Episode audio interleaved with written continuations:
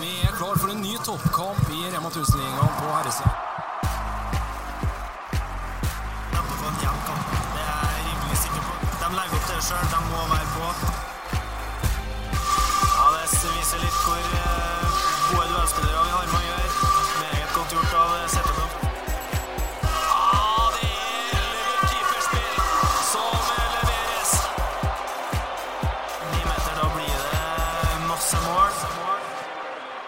Da er på plass med en eh, ny episode i håndballpodkasten Feil eh, sperre. Vi har gjort unna en historisk begivenhet i Arendal med Final Eight-arrangement eh, der nede, der Kolstad tok sin første tittel i klubbens historie etter at de slo Elverum i NM-finalen. Vipers slo Sola i kvinnefinalen. Det ble også juniorfinalen som ble avholdt under denne helga også. Det blir et nytt trøndersk gull i form av Charlottenlund, da, som eh, slo eh, Nærbø. Og på jentesida så var det Larvik som slo eh, Aker. Vi var ned den helga.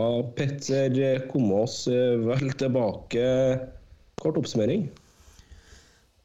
Ja, det er litt vanskelig å gjøre det kort, da, men jeg syns jo vi får Sånn rent sportslig så syns jeg vi får et arrangement langt, langt over forventningene. Vi får to fredag, Nei, to semifinaler fredag som er spennende. Byåsen greier å gi Vipers eh, kamp til døra. Kun Jakkereva som er forskjellen på dem to der. Og så får vi ei bombe, lita bombe og en eh, meget følelseslada Steffen Stegavik, som bare var helt fantastisk å se på når Sola vinner eh, sin semifinale mot, mot Storhamar.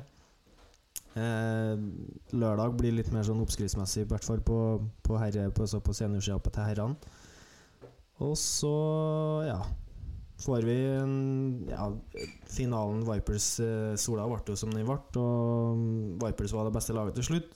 At Elverum ikke har mer å gå på mot Kolstad, det er jo litt lite sånn skremmeskudd inn mot uh, sluttspillet, men ja, det blir jo snakka om uh, opp i mente da, at eh, Elverum hadde et tøft program inn, og tøffere enn Kolstad. Og hvor mye det har å si, da, det er litt vanskelig å si. Nå så vi jo Emil Limskar i, i går mot Kiel. Uh, varte opp med årsbeste og viser hvorfor han skal reise utenlands. Så det er jo selvfølgelig synd at ikke han greier å levere det òg på søndag, men sportslig så, så syns jeg det ble et veldig bra arrangement. Og så kan man diskutere seg grønn og blå om det var nok folk, og hvordan folkene kom dit, og lyd og blåsemafia og det som er. Men eh, sånn alt i alt så syns jeg eh, det sto til forventningene og litt til hele arrangementet. Og så syns jeg ØIF Arendal er en veldig bra klubb til å arrangere. De, de har stort sett kontroll, og, og det som skjer, er godt. Så jeg tror det lover godt til, til det som kan skje inn mot neste år.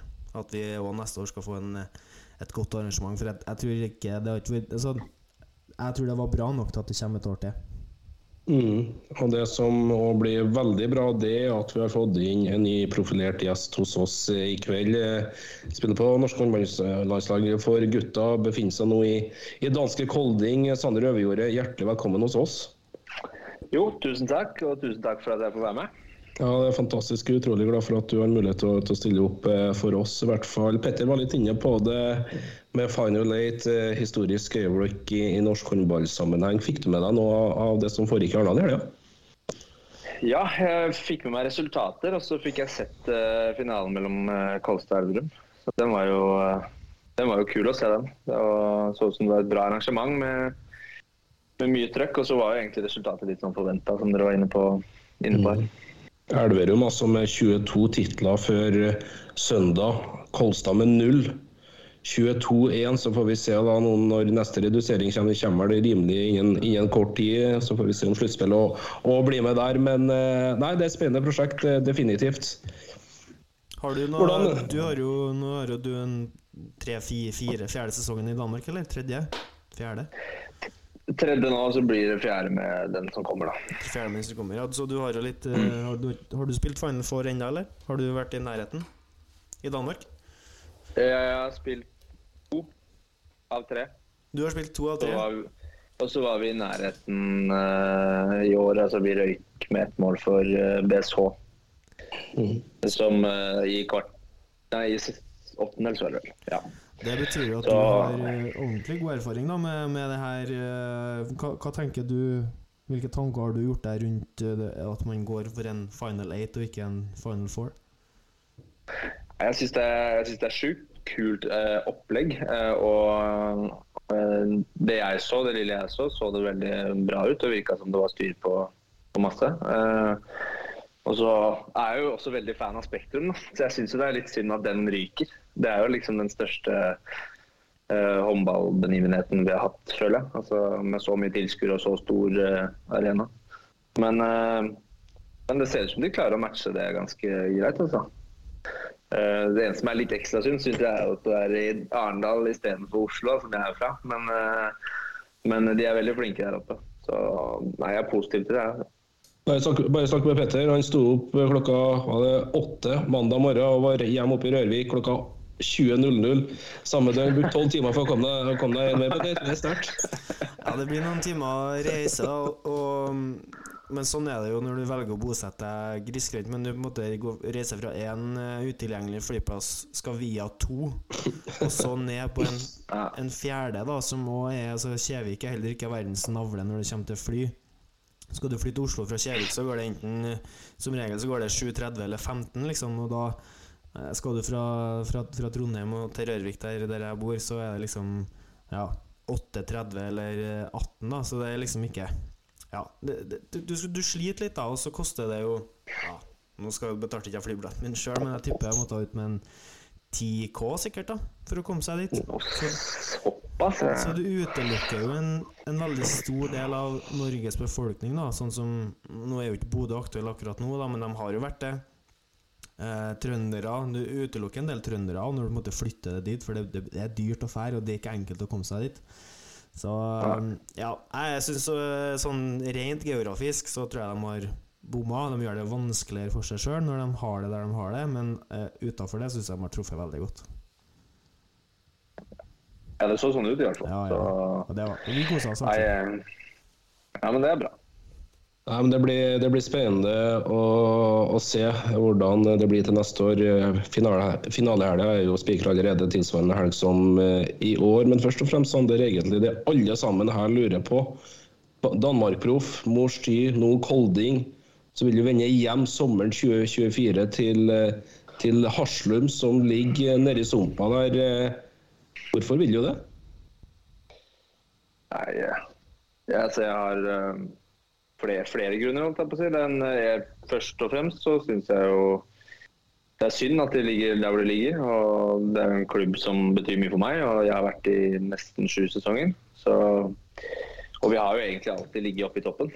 Så det, det er synd at det har snudd sånn. da, og, og det er nok med at mange har reist ut, og det er jo litt vanskelig å hente inn igjen. Eh, så jeg har lyst til å bidra til å kunne heve det da, eh, betraktelig og være med liksom på, på det racet som de kjører opp i toppen der nå med Coast Elverum og etter hvert eh, Arendal, Drammen, eh, Runar. De laga der. Det hadde vært sjukt kult å, å komme opp der, og ligaen blir bare bedre og bedre. Så, så det er jo en av grunnene. Og så er den andre at eh, jeg syns egentlig bare Jeg er litt, litt mett på å spille ute. Så når den muligheten byr seg, så, så hvorfor ikke, tenker jeg. Jeg har muligheten til å gjøre det. Spille både håndball, bo nærme venner og familie og, og kunne gjøre det bra med Haslum. Så ser jeg ikke ser jeg ikke at det skal være noe dårligere. Så nei, det er, det er egentlig mest det. Så har vi jo snakka en stund eh, om hvordan vi skal bygge det litt opp igjen, og det er masse talenter der. Så det gjelder bare å få fram, fram det igjen, det som har vært så bra i mange år. Eh, og kunne, kunne begynne å, å produsere det og så få det ut i kamp. Da. For jeg ser jo på trening, jeg har sett på noen treninger, og der er det mye bra spillere. Det er jo ikke noe tvil om. Så jeg tror det kommer til å løsne ganske fint. Ja. Vi, Som, som eh, Haslum er en klubb som ligger veldig, veldig nært eh, hjertet ditt. da Ja, ja. Det er jo der jeg har tilbrakt eh, de fleste senere åra i, i håndball. Og, og de kompisene jeg har nå, spilte jo der, de òg. Så, så nei, vi hadde en veldig bra tid der, altså, de åra. Uh, jeg håper vi kan få, få mange gode år framover også. Uh, jeg går rett på et spørsmål med samme vind på det. Sander Thomas Karlsen han kommenterer jo hjemmekampene til Haslum og ja, eh, har et godt navn i, i Håndball-Norge. her, Spør eh, Hvor nære var det til å takke ja til utenlandske klubber fremfor, fremfor å reise hjem til Haslum? Eh, Hvor nære Jeg vet ikke hvordan jeg skal måle det, men, eh, men det var noen det var mulig å, og som jeg kunne gjort. Men, eh, og var opp til vurdering, selvfølgelig. Eh, Men det var også litt før vi begynte å bli seriøse med Aslum. Så jeg, jeg syns det er vanskelig å svare på hvor nærme, men, men det var et par. Jeg, jeg vurderte og så at det var en fin mulighet, og, og, og det hadde vært kult å spille. Det er jo en på Twitter og bare når vi er inne på det, som er ordentlig ute med fiskestanga og, og, og spør eh, har han klausul i kontrakten hvis Haslund spiller førstedivisjon. Ja, det, jeg kan ikke kommentere så mye, egentlig ingenting, om de detaljene som er i kontrakten. Så, så det får han ikke svar på, dessverre. Det er lov å prøve. Hvordan, eh, hvordan ser du for deg Sånn som Haslum nå, da, neste, neste fem kampene og inn i en, en kvalik. Hvordan, hvordan ser du for deg at det kommer til å gå? Har du noen følelse på det? Jeg, jeg, jeg tenker i hvert fall at de kan spille med litt lavere skuldre. Altså Nå har de hatt høye skuldre ganske lenge, tror jeg. eh, Og mange av de som har spilt med mye stress og press og alt mulig rart. Så nå er det noen poeng bak. Og, og det ser jo ut som det kommer til å bli kvalik, med mindre de klarer å vinne Uh, er, det, er det alle de trenger å vinne, eller er det i hvert fall tre av dem, eller et eller annet sånt, og Sandnes skal tape? Eh, så Nei, Jeg tenker de kan spille med litt lavere skuldre og kanskje få noen gode opplevelser og resultater. Og så gå inn med selvtillit inn i det kvalikspillet eventuelt. da. Uh, og hvis de skulle slippe det, så er det ikke noe som er bedre enn det. Hvor eh, tett dialog har du med TS Haslum-gjengen eh, for øyeblikket nå, da, når dette her skal, skal avgjøres? Eh, jeg snakker jo med dem jevnlig, vil jeg si. Ikke sånn hver dag, men en gang imellom høre litt hvordan det går. og hvis det har vært kamp, diskutere litt eller se litt på ting. Og snakke litt fram i tid og, og sånn også. Så, så jeg snakker jo med dem og prøver å hjelpe til hvis jeg kan hjelpe til på noen måter. eh, hva det enn skulle være. Eh, så nei, vi har en fin dialog, altså. Kan du fortelle litt om eh, prosessen nå, som vender deg hjem igjen? Er det sånn at det er Tess som ringer deg, eller er det en, over en lengre prosess der dere snakker over tid og finner ut at kanskje vi skal sette oss og snakke litt mer sammen, og så, og så videre og så videre? Ja, nå husker jo ikke, Jeg er veldig dårlig på å huske, da. Eh, så det, Det er det beklager, beklager jeg på forhånd. Men det, var, eh, det starta jo ikke så seriøst, egentlig. Eh, eh, Det starta jo så Jeg har alltid hatt kontakt med dem fra første året jeg dro ut til Mors, og så eh, til nå. Så hvem det har vært, det har vært litt forskjellig. og Sånn. Om det har vært Erlend eller Dess eller eh, Eirik eller hvem nå enn det var i Haslum-miljøet. Men uh, det starta litt som kødd, da. Eh, fra, jeg husker ikke hvem det var fra. Uh, og så ble det litt mer uh, seriøst. Men det har ligget død ganske lenge, altså. Sånn før det mot slutten ble litt mer aktuelt, da. Og så sa jeg jo Jeg hadde et lite veddemål med min gode kamerat her nede, Boilesen, om at jeg sa, jeg sa til ham at det kan godt hende det. Altså. Så sa han at da skal jeg gå fra Drammen og hjem. Så han skal gå fra Drammen til, til, Bæ- til Bærum nå i sommer. Ja, det er helt overlegent. Så det blir livestream og hele pakka. Ja, det må dokumenteres. ja. se. Ja, det, det er klasse. Det er klasse. Ja, det er moro. Nei, men så, sånn prosessen har ikke Den har vært altså, Vi har hatt dialog hele veien, da. Og så har det blitt litt mer eh, seriøst mot slutten eh, de siste månedene. Eh, og så prøvde jeg å skjerme alt vekk i mesterskapet. Eh, og så snakka vi litt før og litt etter og litt under, selvfølgelig. Men, uh, men ja, den har egentlig gått Føler den har gått veldig fort, selv om det har vært over litt tid. Da reiste du rett fra mesterskap og, og til signering for Haslum. Ja, det var vel bare en dag etter, tror jeg, eller to. Så jeg var hjemme, jeg hadde et par dager fri hjemme. Så da passa det med at media kunne komme i arenaen og hele pakka. Så det var god match sånn sett. Ja, det er herlig. Eh, Litt om eh, hverdagen i Danmark, da, Sander. Eh, Med fire hitter da, med, med ditt Kolding og levert bra, og 59 mål på de første 20 nå. Eh, Kan du beskrive hverdagen eh, i, i Danmark? Nei, den er bra. Den består som regel av håndball, eh, styrketrening eh, og restitusjon. Avslapning. Spising og alt det der greiene. Så det er ganske A4 sånn eh, idrettsliv. Altså, det skjer ikke så mye. Nå, nå begynner jo golfsesongen, så nå kommer vi oss litt mer ut. Så da kan det hende at det blir eh, noe avkobling med det. Men eh, nei, jeg syns det fungerer ganske fint. Ja. Vi har eh, alle mann tilbake. Vi har hatt litt ute med skader og sånn. Erik har vært skada en periode. Eh, Thomas her sliter litt med noe greier innimellom. Også det er flere. Så vi har hatt ganske mye problemer med litt sykdom og skader. Så begynner det å bli fullt igjen nå, altså. Så treningene blir bra. Eh, det har vært eh, ganske bra trøkk på dem de siste, siste to ukene. Det er naturlig at dere er tre nordmenn som er i, i Kolding, nå, Bolle- Boilesen og, og Vetle Rønningen drar mest sammen, eller er det litt sånn fleksibelt med andre, andre kollegaer i, i klubben? det på, på At dere drar sammen på fred, fritida? At det er dere sånn, ja. trioen av nordmenn som drar mest sammen på fritid, eller? Ja. Ja, vi, har jo, vi har jo meg, Toft, eh, Rønningen og Boilesen. da.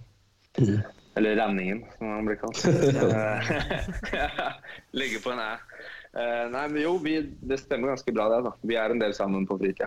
Uh, nå har jo Erik familie og sånn, så, Mm. så han er en del med de, selvfølgelig. Uh, men vi andre tre hender vi som sagt spiller en runde golf eller et eller annet. eh, drar og gjør noe sammen. Eh, ellers så er det ikke så fryktelig mye. Det er mye, går mye tid til restituering altså, og avslapning. Og så er det noe skole nede med han uh, eh, nede i gata her, som bor om ti minutter ganger fra meg. Ja, det, hvor, Skole mye hvor mye vanskeligere er det for uh, nordtrønderen Vetle Rønningen å bli forstått, kontra å være fra Østlandet i Danmark? Hvor, hvor mye mer må han legge om dialekta si? Jeg, jeg tror kan, Jeg kan jo ikke melde på Vetla, for han snakker mye bedre dansk enn meg. Men uh, hvis Vetla hadde snakka trøndersk, eller sin Skogne-trøndersk, da hadde ingen skjønt noen ting. Med meg og Thomas eh, og Erik så kan man forstå litt, liksom. Da kan vi gjøre oss greit forstått. Men jeg tror ikke Vetle hadde gjort seg veldig forstått hvis han hadde prata kav trøndersk. Det tror jeg ikke. Så, øh, nei, det er mye lettere på oss sånn sett. Men Vetle snakker fryktelig bra dansk, altså. Så jeg er, det svakeste leddet her øh, i dansk. Ja, Vetle Rønningen blir jo igjen i Danmark. Han skifter vel beite fra neste sesong skal til Skjern, så det, det blir spennende å følge med på. Ja, Hvor bra er, hvor bra er Vetle i forhold til Ja eh, Aga, Gullerud eh, Sånn bak, Vetle spiller jo først og fremst eh, forsvar. Du kjenner det tatt på Perpen hver eneste dag, og i tillegg så får du treffe Aga, Gullerud eh, Ja, Solstad resten av gjengen når du er på samling. Hvor, hvor bra er, er Vetle i forhold til dem? Hvor nær er han eh, Jeg skjønner at ikke du jeg skjønner at det blir litt inhabil her, men hvor bra syns du Vetle gjør det? For, for, for Jonas Ville skrøt veldig av han når vi liksom grev litt etter hvem, hvem er det som banker på. Så, så, var, så var Rønningen en av dem eh, Ville nevnt. Så det er litt eh, Hvilke følelser har du av det? Jeg, jeg syns jo Jeg spilte jo mot ham de første sesongene. Jeg er jævlig glad for at jeg ikke gjør det lenger. Det, jeg gjør det på trening. Da. Det er ikke fryktelig deilig. Du har ikke lyst til å gå inn og ta, ta dueller der, liksom. Det er ikke det første jeg har lyst til klokka halv ti om morgenen på en tirsdag. Det, men eh, nei, jeg syns Vetle er fryktelig bra. Han er en av de beste forsvarsspillerne i, dansk liga. Så jeg, jeg kan ikke sammenligne med de andre, for de er jo veldig forskjellige. Vetle er jo svær. Han har jo størrelse og enorm fysikk, så kan selvfølgelig flytte beina godt òg. Men de er jo ganske forskjellige typer. Mm. Alle de du nevnte, egentlig. Eh, Aga, Gullerud, Solstad og Vetle. Så Hva jeg sier Han er jo, han er jo med i, i diskusjonen, regner jeg med. Så det kan godt hende man får se han, han på, på A. Det, det veit jeg jo ikke. Men uh, jeg syns i hvert fall han har gjort det ekstremt bra i år, og, og egentlig foregående sesong. Så jeg kan bare si at nivået hans er skyhøyt.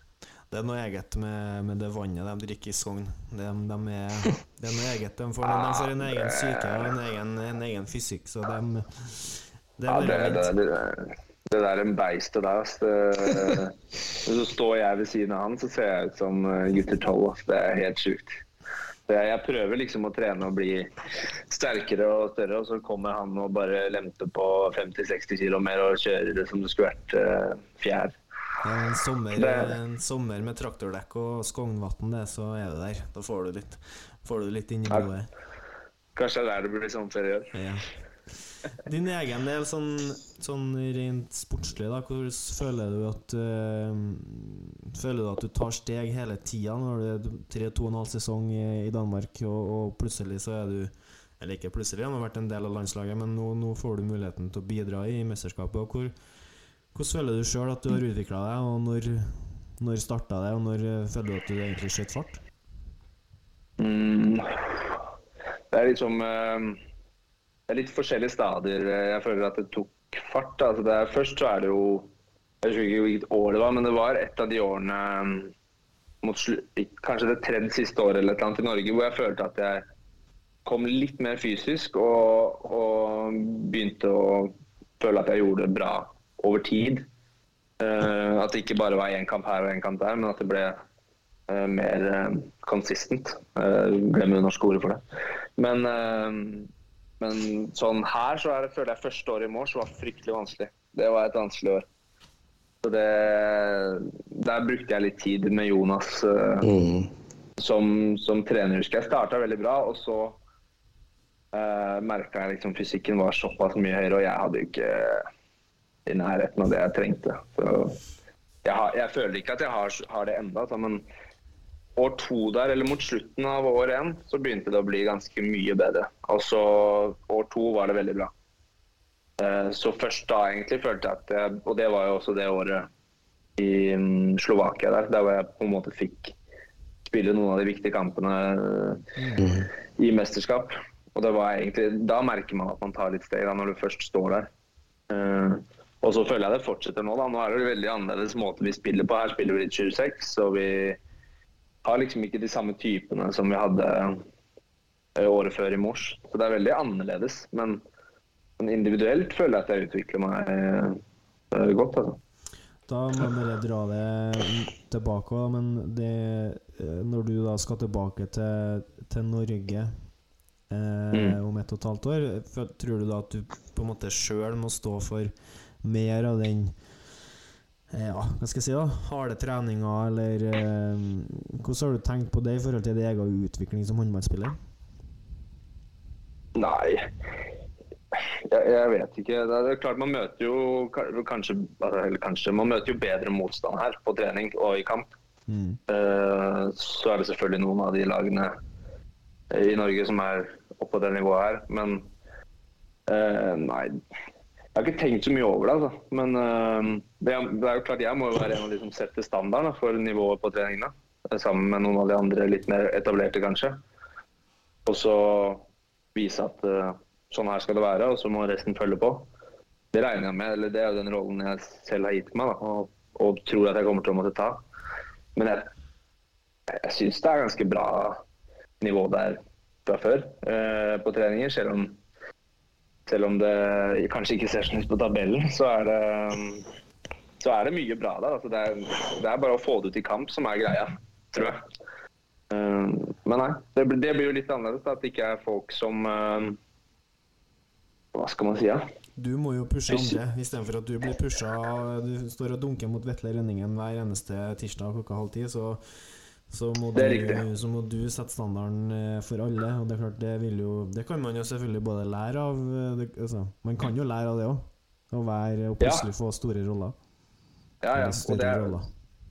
ja, og det er jo akkurat det som er litt av det jeg syns er litt spennende og kult òg. Å kunne ta den rollen, at, du, at det switches litt om.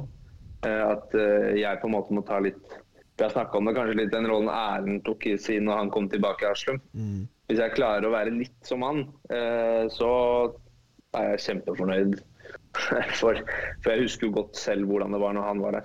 Det var sånn OK, nå, nå må vi skru på bryteren. Og nå blir det mer seriøst og bedre nivå. og Egentlig alt heva seg. da. Så jeg håper at jeg kan ha litt samme effekt. da. Og det tror jeg Stig Tore har nå på treningen også. Det er jeg rimelig sikker på når han er der. og eh, Jeg så litt fra den siste kampen, og han er jo, han er jo fryktelig bra. Mm. Dere er litt eh, inne på det i sted her, gutter, angående sju mot seks-spill. Og fått inn et spørsmål fra Ole Magnus Ekelund rundt det, og lurer på dine tanker rundt eh, det, Sander. Eh, Når er et sju mot seks-spill bra, og hva skal til for å beherske det? Og det siste sier seg kanskje det sjøl, om det er kommet for å bli. Ja, det var det første 'når er det bra'? Når Det var i rekkefølge. Mm. Ehm, nei. Altså for, for mitt vedkommende så er det bra når vi ikke klarer å produsere nok sjanser i angrep. Ja. Altså, eller kanskje du ikke klarer å score, da. At du får litt renere muligheter. Eh, enklere muligheter da, til å score. Um, så da, da, det er jo alltid en risiko involvert her. da. Jeg har jo aldri eh, før i år vært veldig Jeg har egentlig nesten ikke spilt 26 i det hele tatt før jeg kom hit. De, spil, de spilte veldig mye de to foregående sesongene. Colding. Jeg visste at de hadde spilt en del, men jeg trodde liksom ikke med det laget vi fikk at vi skulle spille så mye. Uh, men vi har spilt en del 7-6, altså, det har vi. Og jeg, tror- jeg tror det er bra. Det er ganske enkelt. Da. Jeg tror det er bra når du sliter med å komme til ordentlige muligheter i angrep og kan endre litt kampbilde. Uh, Eh, og så er det selvfølgelig alltid en risiko da. Men ja, det er bra når du sliter. Ser jo Ja, Kristiansand, Kristiansand her hjemme da, spilte jo egentlig to kamper mot Kolstad. Nå Oslo mot seks. Spilte 60 minutter i den seriekampen eh, hjemme mot Kolstad. Eh, taper jo den, og så spiller de store deler av den NM-semien nå i sju mot seks. Har 15-15 til pause, riktignok der, da, men eh, naturlig nok dekker de jo sammen da, i de siste, siste 30 der. Men eh, ja, det er jo sikkert forskjellige måter og tanker rundt det. Ut ifra hvilket lag det er, og hvem de møter, og hvor har jeg sjansene mine, liksom. Ja, jeg, jeg fikk med meg, jeg så det ikke, men jeg fikk med meg at de spilte. Jeg, altså jeg tenker hvorfor ikke, når de vet at Kolstad i utgangspunktet er såpass mye bedre. Så komme og prøve noe nytt der, det Mm. syns jeg er helt fair. Men så er det det som er vanskelig å spille 60 minutter, er at det krever så mye konsentrasjon. For Hvis du gjør én feil, så er det ett enkelt mål. Du trenger liksom ikke motstanderlaget å jobbe noen ting for det målet. Det er, det er jo nedsiden med det, at det er så stor risiko ved å spille. Og så er gevinsten veldig stor hvis det går, men samme vei hvis det ikke fungerer. Du skal være veldig psykisk klar på hvor- stor hvor store, hvor store altså nedturene du må- greie å ikke ha nedturer hver gang du gjør små feil. Da. For små feil blir fort veldig store feil. Og så må du greie å holde fokus på de arbeidsoppgavene du har. Men det er klart det- Det skal mye til da for at du mot et forsvarslag som Kolstad, da når du er KRS skal stå 60 minutter og banke, og Kolstad har hva mange er det? 5, 6, 7, 8 bom på åpent mål i tillegg andre gangen, så er liksom resultatet blir liksom så der i tillegg, så eh, Hva skal til for å beherske det, da? Hva, hva, hva gjør du for å beherske det? For du har jo åpenbart lyktes. Ja, jeg har noen uh, altså Jeg vil si at jeg har lykkes bra de aller fleste gangene. Så har vi noen kamper hvor det ikke har fungert i det hele tatt. Sånn tre-fire kamper, da. Eh, men det må man egentlig bare forvente, fordi ja, Eller med mindre du er helt uh, feilfri, nesten, så, så kommer det til å skje feil i, i 7-6. Men så er det liksom bare å, å holde hodet kaldt der. og jeg tror Det er jo forskjellige måter å spille på, da, men vi spiller veldig mye det derre 2-3-2-3. Og så har vi to svære linjer. Og jeg tror det er en av tinga Kanskje det viktigste. At du har to streker som er kapable til å ta de innspillene og holde unna en spiller. da. For det blir fryktelig vanskelig for Forsvaret hvis uh, du har to linjer som det er nesten umulig å jobbe rundt. Da må du liksom overdrive, og da blir det så enkelt å spille en ball ut til en av bekkene, og så er det to mot én på kant. For alle dem som lytterne våre som ikke er like inne i håndball som oss, så når han Sander sier 2-3-2-3, så ligger da linja mellom nest ytterst og innerste forsvarer på begge sidene. Så du har to spill med to linjespillere i 7 mot 6, og så har du forsvarsspilleren, nei, linjespilleren da, mellom eh, nest ytterst og innerst på begge sidene. Det blir 2-3-2-3. Ja. Vi må dumme dum det litt ned til dem som ikke er, er like mye inne i det. Hvor, hvor, Ja, ja. hvor mye på en måte Hvor mye trener dere på det når dere står, sånn angrep, står på angrepstrening? da? Trener dere like mye på 7 mot 6 som dere gjør på 6 mot 6? Nei, nei, nei. Ikke, ikke nærheten. Vi, vi gjorde det i starten, så trente vi en del på det, fordi da hadde ikke jeg spilt det. Men uh, spillet går jo veldig mye ut på at uh, du må ha en som er god til å vurdere da, i midten Mm. eller eh, venstre, der hvor første vurderinga gjøres. Og hvis han er god til det, så kommer det muligheter, liksom. Så, eh, gevinsten for min del er veldig stor hvis jeg klarer å vurdere riktig. Men jeg får jo aldri vite noe hvis det er feil. Så, for det er jeg som tar valgene stort sett. Eh, I hvert fall i det spillet. Um, læring i det. så nei. Ja, det, det er jo det. Det er jo det. Og det er jo Jeg merker jo Vi møter jo mye forskjellige varianter i Forsvaret også. Det er noe som er fryktelig vanskelig å løse, og så er det andre ting som er lett å løse. Eh, så man tar med seg de tinga inn hele tiden. Og så, og så har man jo alltid noen avtaler i 7-6 også, i hvert fall vi. Mm. Eh, som man kan bruke. Altså F.eks. et kryss eller en sperre eller, Mm. eller ja, Det kan være hva som helst. Hvilke forsvar eh, altså, Når føler du at et forsvar greier å stå godt da i, i 7 mot 6? Hvis de er veldig dynamiske, så er det vanskelig. Altså, hvis det er uh, treere som kommer og toere som kommer plutselig, altså sånne ting, sånne litt uforutsette ting, Mm. da er det vanskeligere å stå i midten her i hvert fall. For hvis jeg bare kan stå, og det står helt flatt, med to så gode streker som vi har, så, så blir det ganske lett for meg stort sett, da. Og så har det Ja, jeg syns det er vanskelig hvis kantene er gode på å ligge i imellom nesten, nesten helt oppå bekkene. Altså sånn at du må ta det vanskelige valget og spille ut til uh, kanten. Mm. Uh, og så 5-1 er kanskje det vanskeligste. Ja. Hvis det er en god 5-1, en dårlig 5-1 er veldig lett å løse, men en god 5-1 det er vanskelig å løse. Sånn det er 46 mot 6 òg. God 5-1 er bra, men en dårlig 5-1 er- det er døden. Ja, det er det. Eh, Men eh, du har liksom ikke noe å tape når du spiller forsvar mot 26. Nei, det, skal jo være en ledning til ethvert tidspunkt uansett, så det er klart. Ja. Føler du at, at um, Sånn som jeg ser det, da, når, når, i hvert fall når det er gode forsvarslag, sånn som Kolstad da. Når de Ja. får en 7 mot 6 mot seg, så skrur de opp et hakk i fotarbeidet. Mm. Det er som når, de, når du spiller under. Hvis man spiller når du er, er du undertall, så skrur du opp et hakk i fotarbeidet.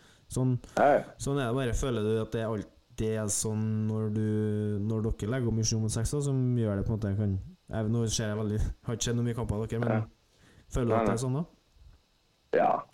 Stort sett. Noen dager er jeg veldig defensiv og bare står og har sjukt bra keepere, så de vil ha skudd utenfra.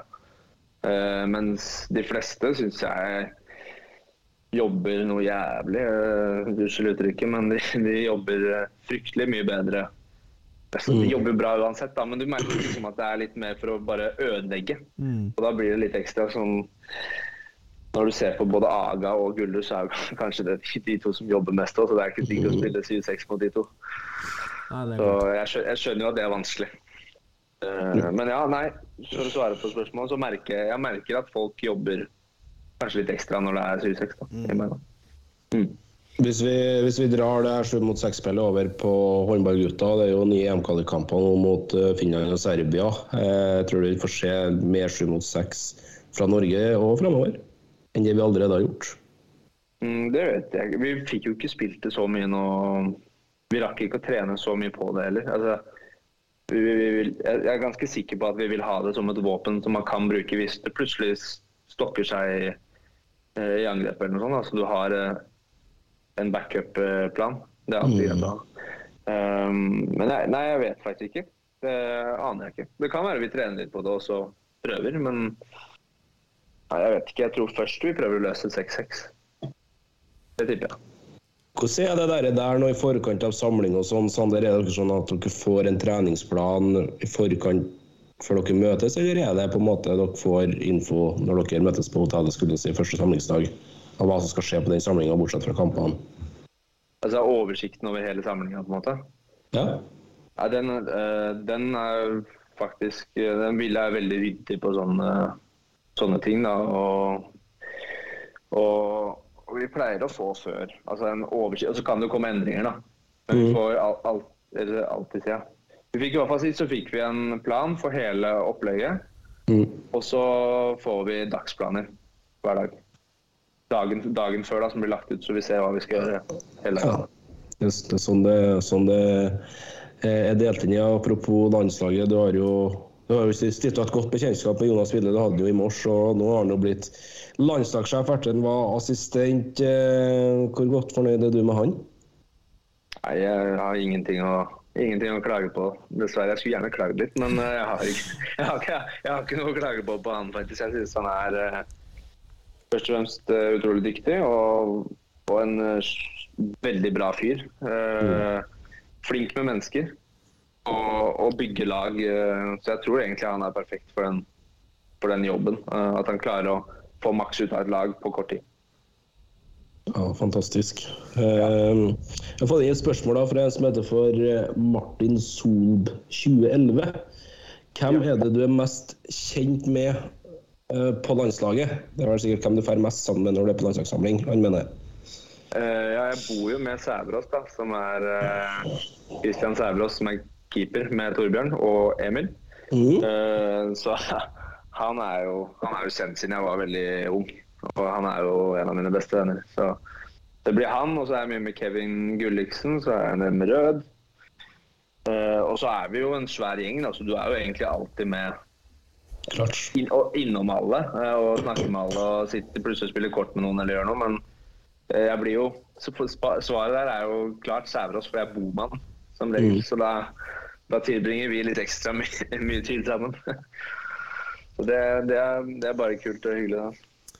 Eh, Vi har lagt en, vi har hatt en liten ny vri på måten å skaffe litt spørsmål på. Så vi har, vi har snakka med en ikke navngitt kilde. Ja.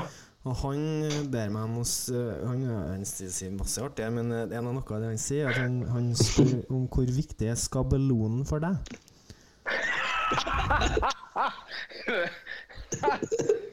Jeg vet hvem det der er. Gablion! Nei, Nei den, den er viktig. Den er veldig viktig. Hva, hva, du, må, du, du må forklare hva det er. Det er et uh,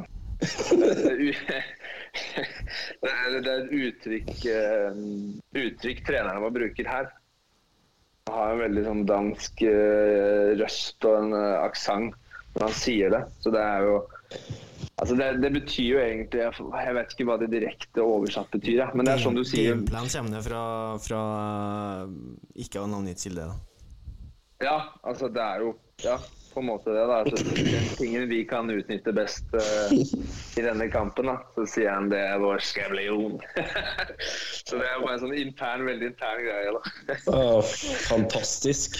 ja, det, det er moro. Det var, den her var fryktelig bra. Eh, Han, spør, han stiller jo litt flere spørsmål, han har jo litt flere ting, da, men, men det, det, det er på en måte mm, Det skjønner du at det, du har jo konkurranseinstinktet ditt er jo, er jo høyt. Og så har jeg Det jeg blir bedt om å spørre om, da, det er jo om du kan fortelle en historie fra et, en juleavslutning med en fotballkamp. Eh, og Erlend, Erlend må jo være Erlend der Erlend Mamelund var dommer.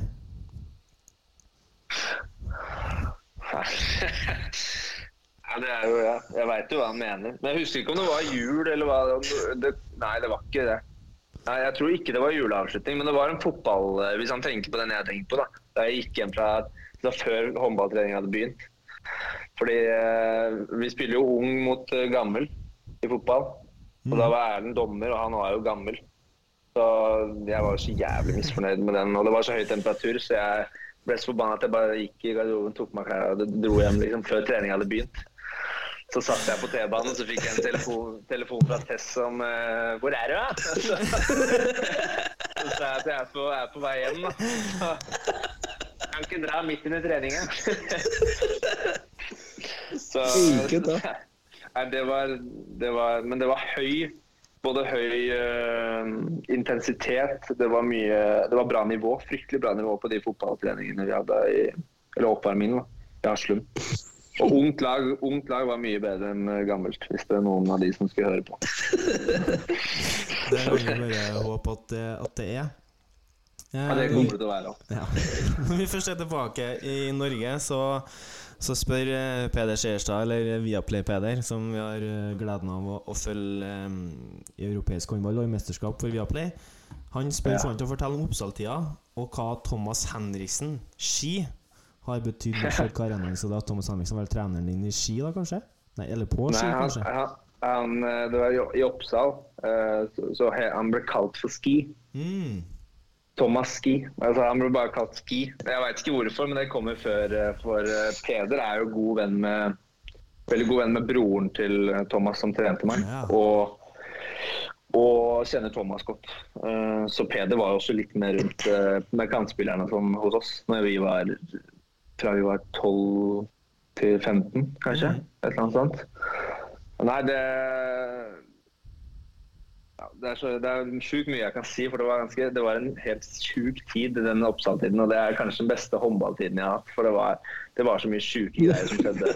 Både på til det var slåssing, og det var eh, Gulliksen, han høyrekanten eh, på landslaget, han er jo kjempeallergisk mot nøtter. Og jeg tok jo nøtter og kasta på han hele tiden, så det var jo full hubaluba der.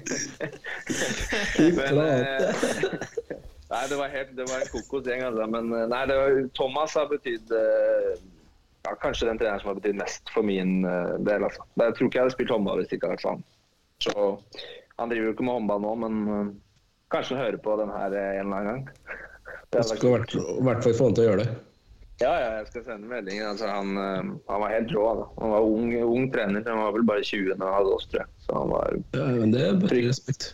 fryktelig bra. Så Nei, det var en jævlig kul tid, altså. Som eh, Det gikk jo derfra til Vålerenga så til, til Haslum. Så Blant annet med altså Kevin spilte med meg i Oppsal, Gulliksen. eh, Mm.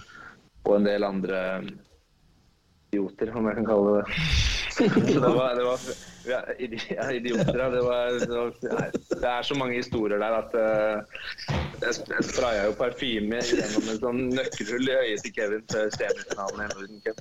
Så han ble nesten blind på det. Ja. Har mye, Steike da. ja, vi hadde mye moro der. Så det var veldig gøy. Det er bra. Vi har jo Det skal sies, da, for vi har lytterspørsmål eh, vi Rekord. Rekord, ja, Rekord. takk. Det er så Rekord. Og det, så det blir litt ekstra på det i dag, da, men i tillegg til at vi har den her eh, hemmelige kilden vår, da. Eh, Hemmelig skilt. Ja, den er fin. Han, han, er, han, har, han har bra kreativitet, det skal han ha. eh, vi får jo et spørsmål fra ØIF Arendals eh, Magnus Sønde nå. Eh, Og Han spør kan du fortelle litt hva du har lært av Christian K så langt. Det er jo bare ja, det er, det, Christian K er jo trener jeg har her. Ja. Det er han med skablonen. Han, øh, han øh, jeg, har lært, altså, jeg har lært mye, han, øh, men han er jo først og fremst fryktelig bra på forsvar. da. Mm. Så det, og der står jo ikke jeg så fryktelig Jeg står framme i fem igjen, da. Så jeg har kanskje lært mer enn noe annet å stå framme i fem igjen. Og 7-6, da. Uh, men han har fryktelig mye gullkorn, da.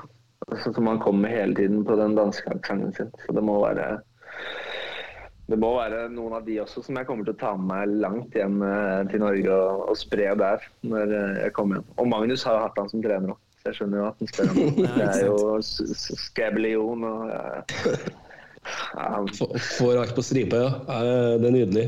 ja, han, er- nei, han er konge. Hva med mustasjebarten, da? Får vi se igjen? Den igjen, den igjen, eller? Markus Fjær som spør om det. Ja, det, det er jo en tid for alt, da. så kanskje, kanskje den kommer tilbake. Den var populær eh, Jeg husker ikke hvilket år det var, men jeg tror det var Egypt eh, når vi var i Egypt. der. Da var den, eh, da var den ganske bra. Altså. Da var det kun oppe her.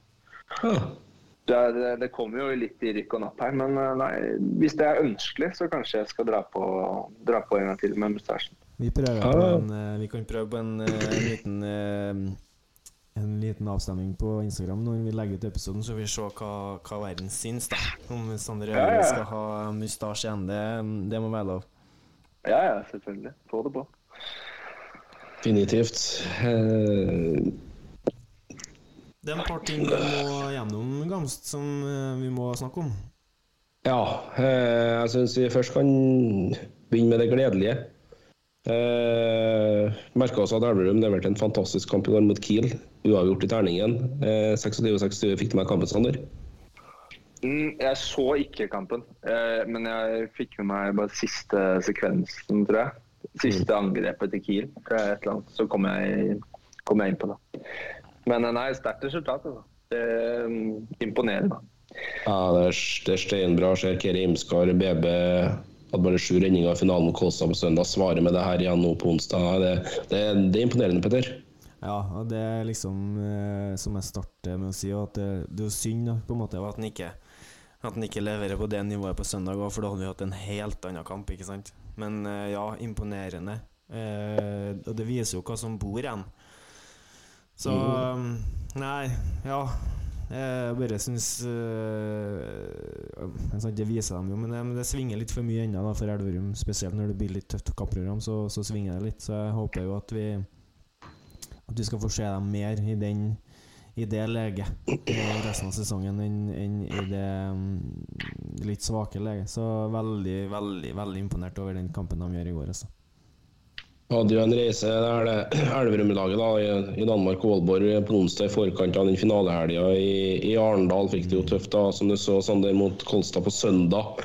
Etter alle solmerker så blir det jo de her toene som skal gjøre, to, gjøre på om sluttspillet. og Klarer du å, å ha en favoritt oppi, oppi det her, du?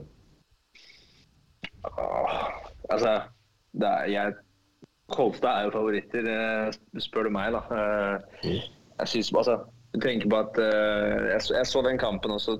Emil hadde ikke noe, så mye redninger, det traff ikke så godt den kampen. Men det gjorde ikke Torbjørn heller. Og hvis Torbjørn treffer, så er det jo stengt. Da er det jo lykke til. Ja, jeg sitter på, sitter på 41% hittil i år, altså. Ja, ikke sant. Så Der ser du de- hvorfor de ikke har tapt en kamp i serien nå.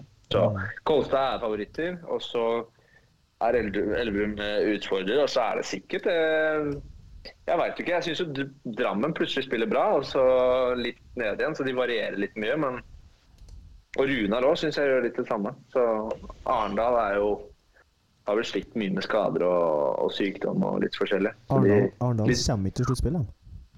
Nei, jeg, jeg så de tabellen i går, faktisk. Det var veldig Røy- røy- Røyk røyk mot seks mot Fjellhammer i går, altså. Ja, det så jeg. Men de, de har folk ute, eller? Fortsatt? Ja, da. Ja, men det må også bli å komme tilbake, ennå, og- Men og Mat, det er jo Larsson og Matic, da, som på en måte er de to tunge navnene ennå. da. Sundeno er jo tilbake. Eh, og så, så tråkka han Taru over òg, rett før, eh, før helga. Så Ja. Men eh, skal, Matic snakka med han på tribunen etter eh, Kolstad Elverum på søndag, og han sier han håper han er tilbake til, til semifinalene, kanskje. Så Nei, det er en lang vei å gå for ØIF da, før de er tilbake på um, i hvert fall gjennom semifinale. Og, og Drammen og nå har vi Nå skal vi kommentere Augam skal kommentere Drammen eh, Kolstad-Drammen på lørdag, og det gleder vi oss det. vanvittig til. Så eh, Men som eh, Nå kommer den heldigvis etterpå, men jeg sliter litt med å, med å se hva Drammen skal gjøre for å Nå satt jeg så Nærbø-Drammen, da. Der Nærbø vinner Mm. til slutt. Jeg slit- sliter litt med å skjønne hva Drammen skal gjøre for å eh, gi Kolstad kamp til helga, fordi at det er Ja, det er så stor forskjell på, på de to lagene, i hvert fall den siste uka. Ja, jeg, jeg er jo enig i det. Eh, men jeg bare syns hvis Kanskje mer Arendal. Hvis Arendal har helt fullt lag, så er de kanskje litt mer med å utfordre. Men eh, de to, Elverum og Kolstad, er jo soleklare foran her. Kan Haslum komme òg, det veit jeg aldri. Du fikser det. Du fikser det. Fra sommeren 24 Fikse det. Ja, det, det skal vi fikse. Ja, ja. Jeg tenkte på i år, plutselig så er det Nei, det går kanskje ikke. det går ikke. Ja, Det blir, det blir mustasjepart og sluttspillfinale og full pakke her nå. Fra 24 ut. Ja, det hadde vært så greit. Så. Eh, ja, over litt eh, en annen nyhet. Vi har vært inne på det tidligere. En, egentlig en veldig ja, merkelig sak eh, fra førstedivisjon på damesida. Oppsal-Gjerpen ble jo spilt for en god del tid tilbake. Eh, Endte på at Oppsal vant kampen med ett mål, men så viser det jo seg i ettertid at de har fått ett mål for mye. Rett og slett pga. en menneskelig feil. og det her har jo Gjerpen lenger lagt merke til og la inn protest. Og ble hørt av eh, forbundet og nemnda at eh, det skal bli omkamp. Og så klarer jo Oppsal da å anke denne avgjørelsen.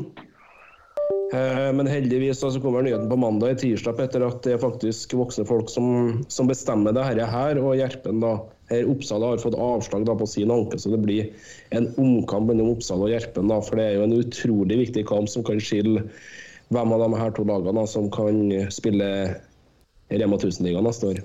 Ja, og så er det jo eh, Enden på visa er jo selvfølgelig klink. Det skal jo være sånn. Og så, så er det liksom Vi snakker litt om det òg, men eh, altså, har man et regelverk da som sier at man må anke Eller man må komme med protesten rett etter kamp.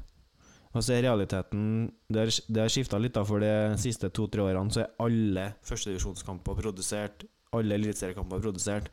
Så når det er tellefeil, da Kanskje man bør strekke den Altså, Det gir ikke noe mening at man må protestere på kampen, for du har ikke muligheten til å vite det. Når sekretærer og dommer sier nei, det er rett, så kan ikke du gå tilbake under kampen og finne ut at nei, det er faktisk feil, og så levere rett etterpå. Du må få litt tid til å, til å faktisk se opp kampen. Det som bare Oppsal har fått så, Bustav busta fyk eh, inn mot den saken her, inn mot avgjørelsen, men det, som overrasker meg, det er måten de svarer opp på i den TV 2-saken. Og og de fortsatt står på at selv med den, all den motbøren og alle som har ment hit og dit, så står de på at nei, nei ja, regelverket var tydeligvis Altså, altså regelverket Jeg er fortsatt ikke enig i at den kampen skal spilles om igjen. Syns eh, det, det er helt toskete at forbundet eh, overser den regelen om at det skal leveres protest rett etter kamp. Det, det hadde ikke noe forståelse for han Oppsal-lederen. Og da ble jeg sånn der eh, Det er sånn Jeg skjønner at viljen er der for å rykke opp, liksom. Men man må ha en øh, Man må gi seg sjøl på en en, øh, en, en grense, da. Og da, når ting på en måte blir satt Og så kan du, du kan jo mene akkurat hva du vil. Du kan sitte her og tenke at dette er jo helt jævlig, og det skal ikke være sånn og, og sånn, men når du Når forbundet tar avgjørelsen, og du får beskjeden kampen skal spilles på nytt, vi, vi tar ikke den anken. Så det er sånn Ok, men da står ikke jeg til, til landsdekkende media og sier at det er dumt. Da, da tenker jeg det er jeg uenig i, og så går du inn i TV 2 og sier du, ja ja, så klart. Eh, men vi måtte anke fordi at vi vil rykke opp, men vi skjønner hvorfor avgjørelsen blir som den blir. Og så, og så tar du det litt som en, som en mann, da. Unnskyld eh, alle kvinner, men det er sånn uttrykket går. Men fy fader, altså. Det må gå an å, å bare snu på en femøring der da, og tenke greit, da tar vi den kampen istedenfor å fortsette på den samme visa. Jeg blir helt eh, Ja, jeg blir overgitt, overgitt i forkant, og, og, og er ikke noe mer imponert av, eh, av det Oppsal-ledelsen leverer etter at øvelsen er tatt, heller. Ja, det er helt natta før denne omkampen blir spilt. Nå er Oppsal nummer tre med, med 17 kamper spilt og 29 poeng. Gjerpen er nummer to på direkte opprykksplass med 32 poeng og spilt én kamp mer. Så det, det er jo ganske enkelt da hvorfor Oppsal egentlig gjør dette, men det strider jo mot all, all sunn fornuft. Og heldigvis da så var det voksne folk som sto for den rette avgjørelsen her, at det blir en omkamp mellom de her to dagene. Jeg vet hvem jeg heier på i den omkampen, i hvert fall. I all beskjedenhet så må man vel si at man er enig. Right, eh, Litt videre med, av en god del håndballnyheter som har kommet frem den siste uka. Vi var inne på Elverum. Jeg har levert jo en meget imponerende kamp eh, i går da mot Kiel hjemme i Terningen. Månedens lag for eh, februar også publisert på guttesida. Så har Kolstad gjort storeslem med, med fire spillere inn der. Aalberg inne, Bergerud tredje gang altså denne sesongen, ikke overraskende nok. Kaptein Gudjonsson inne for andre gang i år, og Simen Lyse som ja, var on fire i den finalen eh, mot, eh, mot Elverum på, på søndag. Jeg tror han kommer til å, vise seg frem foran 8000 på, på lørdag, Petter.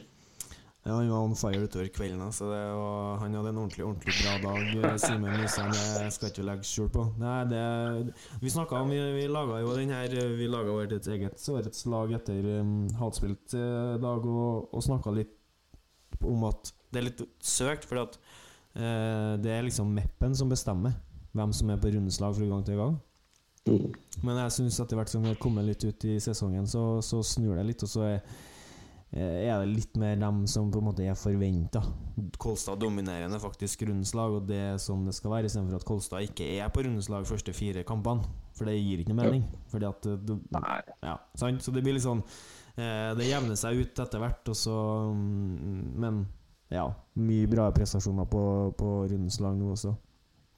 Det er det, og eh, Rambo da, fra Runar inne.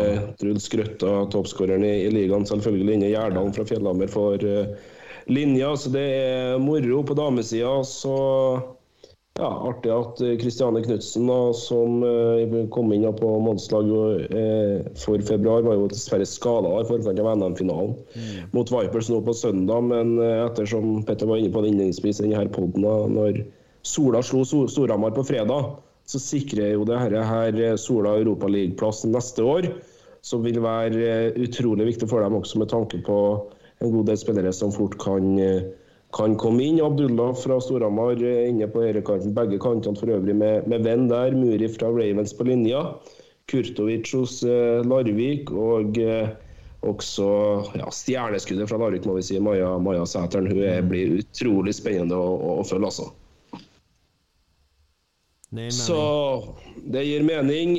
Da har vi begynt å komme gjennom eh, de mest positive nyhetene. Det ble også kjent at Tobben Evjen inne da, i sin eh, siste sesong i Kristiansand som trener der for bodøværingen. Eh, ikke uttalt noen årsak for det, men det er bare at de to partene avslutter sitt samarbeid. Det som er sagt, er at Robin Haugsgjerd blir med i neste års trenerteam. Det blir spennende å følge. Golden League er i gang i Nederland. Våre håndballjenter er der nede og spiller da mot eh, Danmark, Danmark, Nederland og Tsjekkia denne eh, helga. Nora Mørk eh, reiste hjem rett før første kamp her, så ja. Men det er jo en eh, vanlig turnering, men det er jo selvsagt greit å, å ha med seg de beste når man, når man spiller eh, en oppkjøringsturnering eh, både hit og dit. Sander. Hvor viktig er egentlig sånne type oppkjøringsturneringer i, i landslagssammenheng, hvis vi tar på Golden Ding nå, først og fremst? Uh, nei, jeg syns, uh, syns det er jo veldig viktig. For er, uh, du får jo ikke så mange treningene eller kampene på å spille deg inn som lag eller få trent på de tinga i, i praksis før et mesterskap. Da. Så at man kan ha en, to, tre sånne, liksom, det, det er ganske avgjørende for mange lag, tror jeg. Eh, spesielt når vi hadde ny trener også, så skal jo nye ting inn, Uh, og det skal prøves ut. Ikke bare på trening.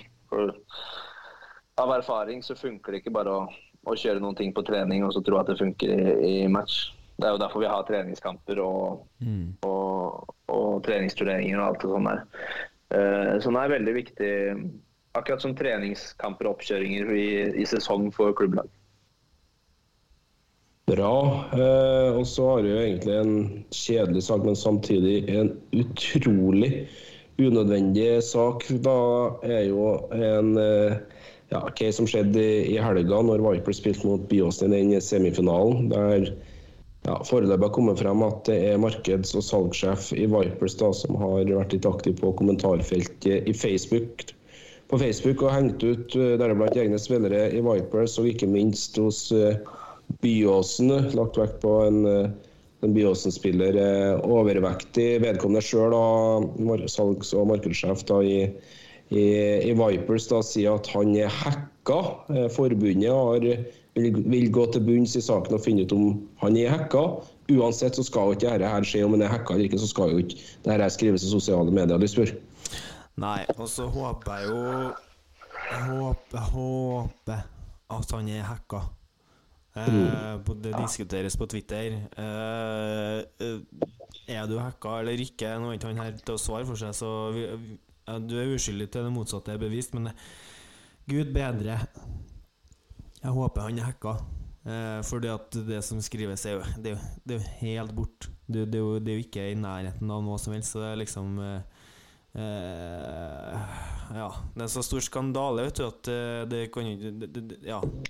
Har du lest saken sånn der? Har du fått det med? Jeg har fått den med meg, jeg har ikke lest. Det, det jeg fikk med meg, var uh, det som var uh, for en liten stund siden. At det var noen som solgte sko og greier på Drammen sin side. Det var noe annet, da. Men kanskje det er de som er tilbake. Det, kan, det håper jo, da.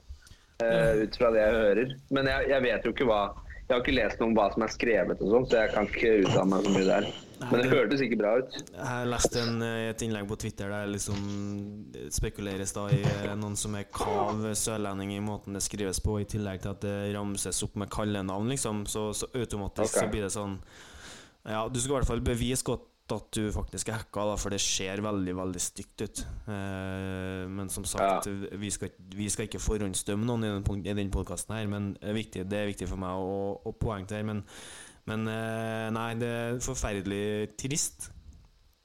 Kjempetrist sak, og man må passe på pastorene sine. Det er en lærdom. Vi, vi, vi så jo det, det var ikke bare Drammen, det var jo titalls uh, eliteserieklubber som mista det samtidig med Drammen der. Ja, Så det er helt tydelig at vi må Det er mange som på en måte må jobbe med pastorsikkerheten sin etter hvert da, for, at, for å unngå sånne ting, for det er veldig, veldig kjedelig. Det er ikke så mye å få gjort heller, da. Nei da. Sånn, eh, utenom å skifte passord, kanskje.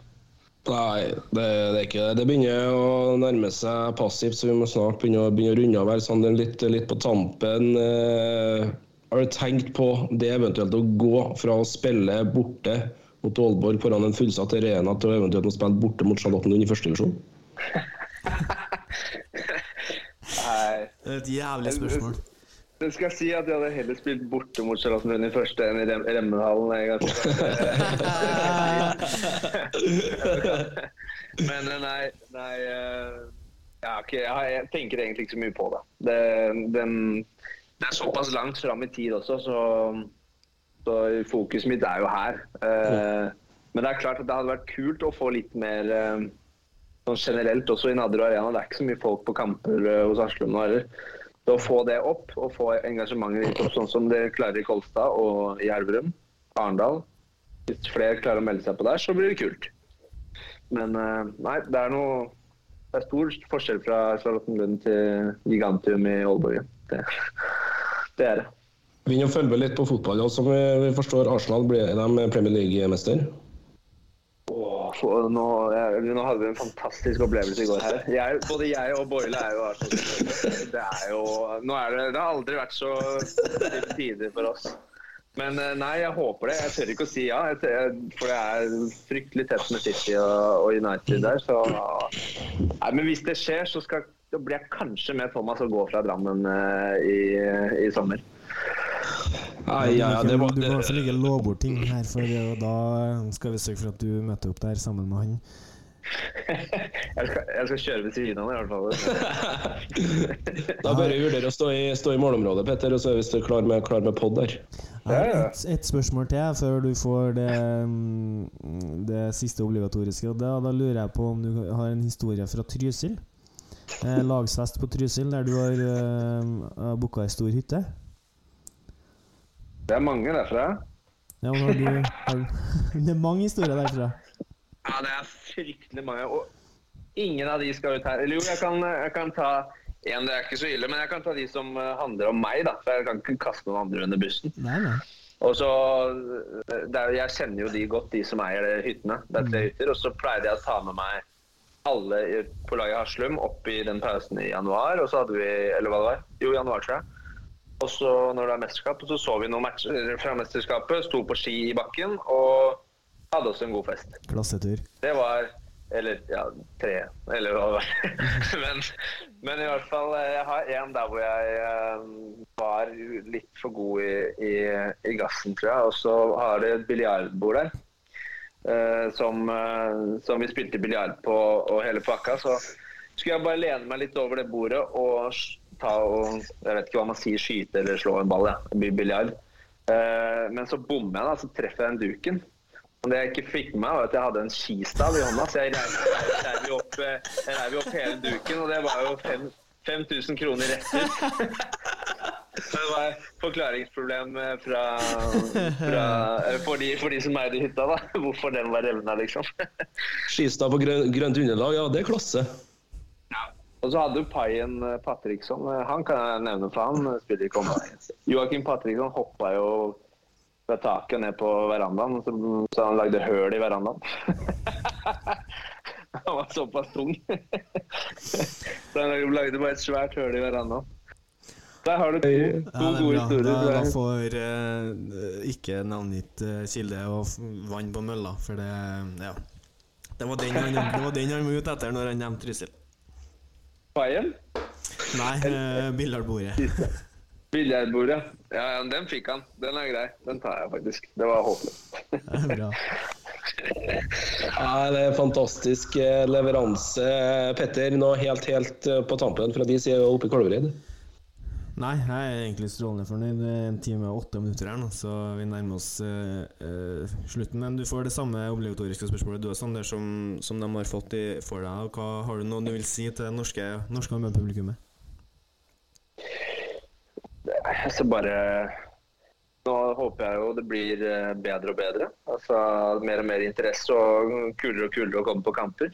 Så til, I hvert fall for min egen del, til 24 så håper jeg det er kjempeinteresse rundt omkring å få se så mye gode håndballspillere som kommer både nå til Kolstad og, og Elverum og, og flere andre klubber som kommer og skal spille i den norske ligaen. Forhåpentligvis heve den enda litt mer. og det hadde vært eh, utrolig fett med, med mye folk på kamper og sånn i, i framtida, så det er bare å, å gønne på. Ja, Det er fantastiske avsluttende ord. Tusen hjertelig takk, Sander Øverud, for en fantastisk leveranse. Ja, Det er lenge siden jeg har det så artig i en, en sånn podkast. Og så tror jeg rett og slett vi, vi slår på, på tråden når det først aner det igjen. Takk for god leveranse. Vi er klar for en ny toppkamp i Rema 1000-ligaen på herresida. De er rimelig sikker på. De legger opp det sjøl.